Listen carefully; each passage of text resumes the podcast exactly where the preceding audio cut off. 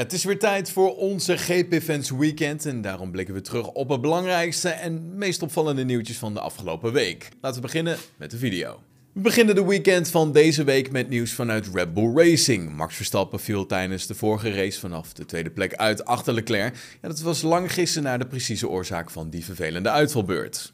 De uitvalbeurt van Verstappen in Melbourne werd waarschijnlijk veroorzaakt door porpoising. Een probleem dat Red Bull toch aardig onder controle leek te hebben. Toch is de RB18 niet helemaal stuitenvrij en dat heeft er volgens Marco voor gezorgd dat er een scheurtje ontstond in de brandstofleiding. De Oostenrijker gaf tekst en uitleg bij het Oostenrijkse ORF.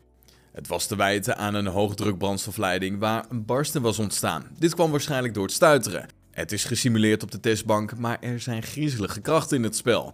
We hebben dat goed onder controle, maar er zijn nog steeds kleine trillingen. We gaan ervan uit dat dit de belangrijkste oorzaak was van de schade aan de brandstofleiding. Dan gaan we door naar het relletje tussen Haas en voormalig hoofdsponsor Uralkali. Het Formule 1-team van Haas heeft de claim van voormalig hoofdsponsor Uralkali om de vooruitbetalende 12 miljoen euro terug te storten geweigerd. In plaats daarvan wil de Amerikaanse renstal nu zelf een schadevergoeding van 8 miljoen euro, zo meldt autosport.com. Het platform heeft een kopie van de officiële brief ingezien waarin onder andere staat uh, dat Haas naar eigen zeggen ieder recht had om het contract nietig te verklaren. Daarnaast is de Amerikaanse renstal van mening dat naast al betaalde sponsorgeld recht heeft op de vergoeding voor de misgelopen inkomsten was de samenwerking wel voortgezet.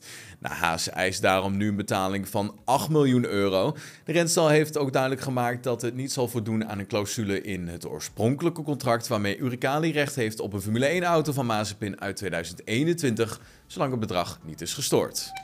Ja, Verstappen lijkt zich in Italië niet langer zorgen te hoeven maken over een potentieel brandstofprobleem aan zijn RB18. Honda, dat natuurlijk nog steeds nauw betrokken is bij het Red Bull Powertrains project, heeft namelijk garanties gegeven dat de issues verholpen zijn voor dit raceweekend. Zo laat Red Bull topman Helmut Marko weten aan de Oostenrijkse omroep ORF. Volgens Honda kunnen we verwachten dat dit tegen de volgende race verholpen is. Vanuit de motorkant ja, denk ik dat je kunt zien dat de problemen die we hadden in Bahrein totaal anders waren dan bijvoorbeeld hier in Australië. En ook de problemen die we hadden bij het testen, ja, het zijn steeds verschillende dingen. Zo vertelt Dr. Helmut Marco. Sluiten we af met toch wel een beetje vervelend nieuws rondom de leider in het wereldkampioenschap, namelijk Charles Leclerc. Leclerc is op maandag beroofd van zijn horloge, zo melden diverse lokale media. De Monegask was zich aan het voorbereiden op de Grand Prix van Emilia-Romagna toen die werd bestolen van zijn klokje door een zichzelf als fan presenterende dief. De leider van het wereldkampioenschap is zelf gelukkig ongedeerd. Ja, wat is er nou precies gebeurd? Op paasavond bracht Leclerc met vrienden en zijn personal trainer een bezoekje aan het Via Salvatori gebied. Op die plek werd Leclerc door een aantal fans herkend. Nou, het werd steeds drukker en op dat moment kon dus ook de dief toeslaan. En wist een horloge van meer dan 3 ton te stelen van zijn arm zonder dat hij het op dat moment door had.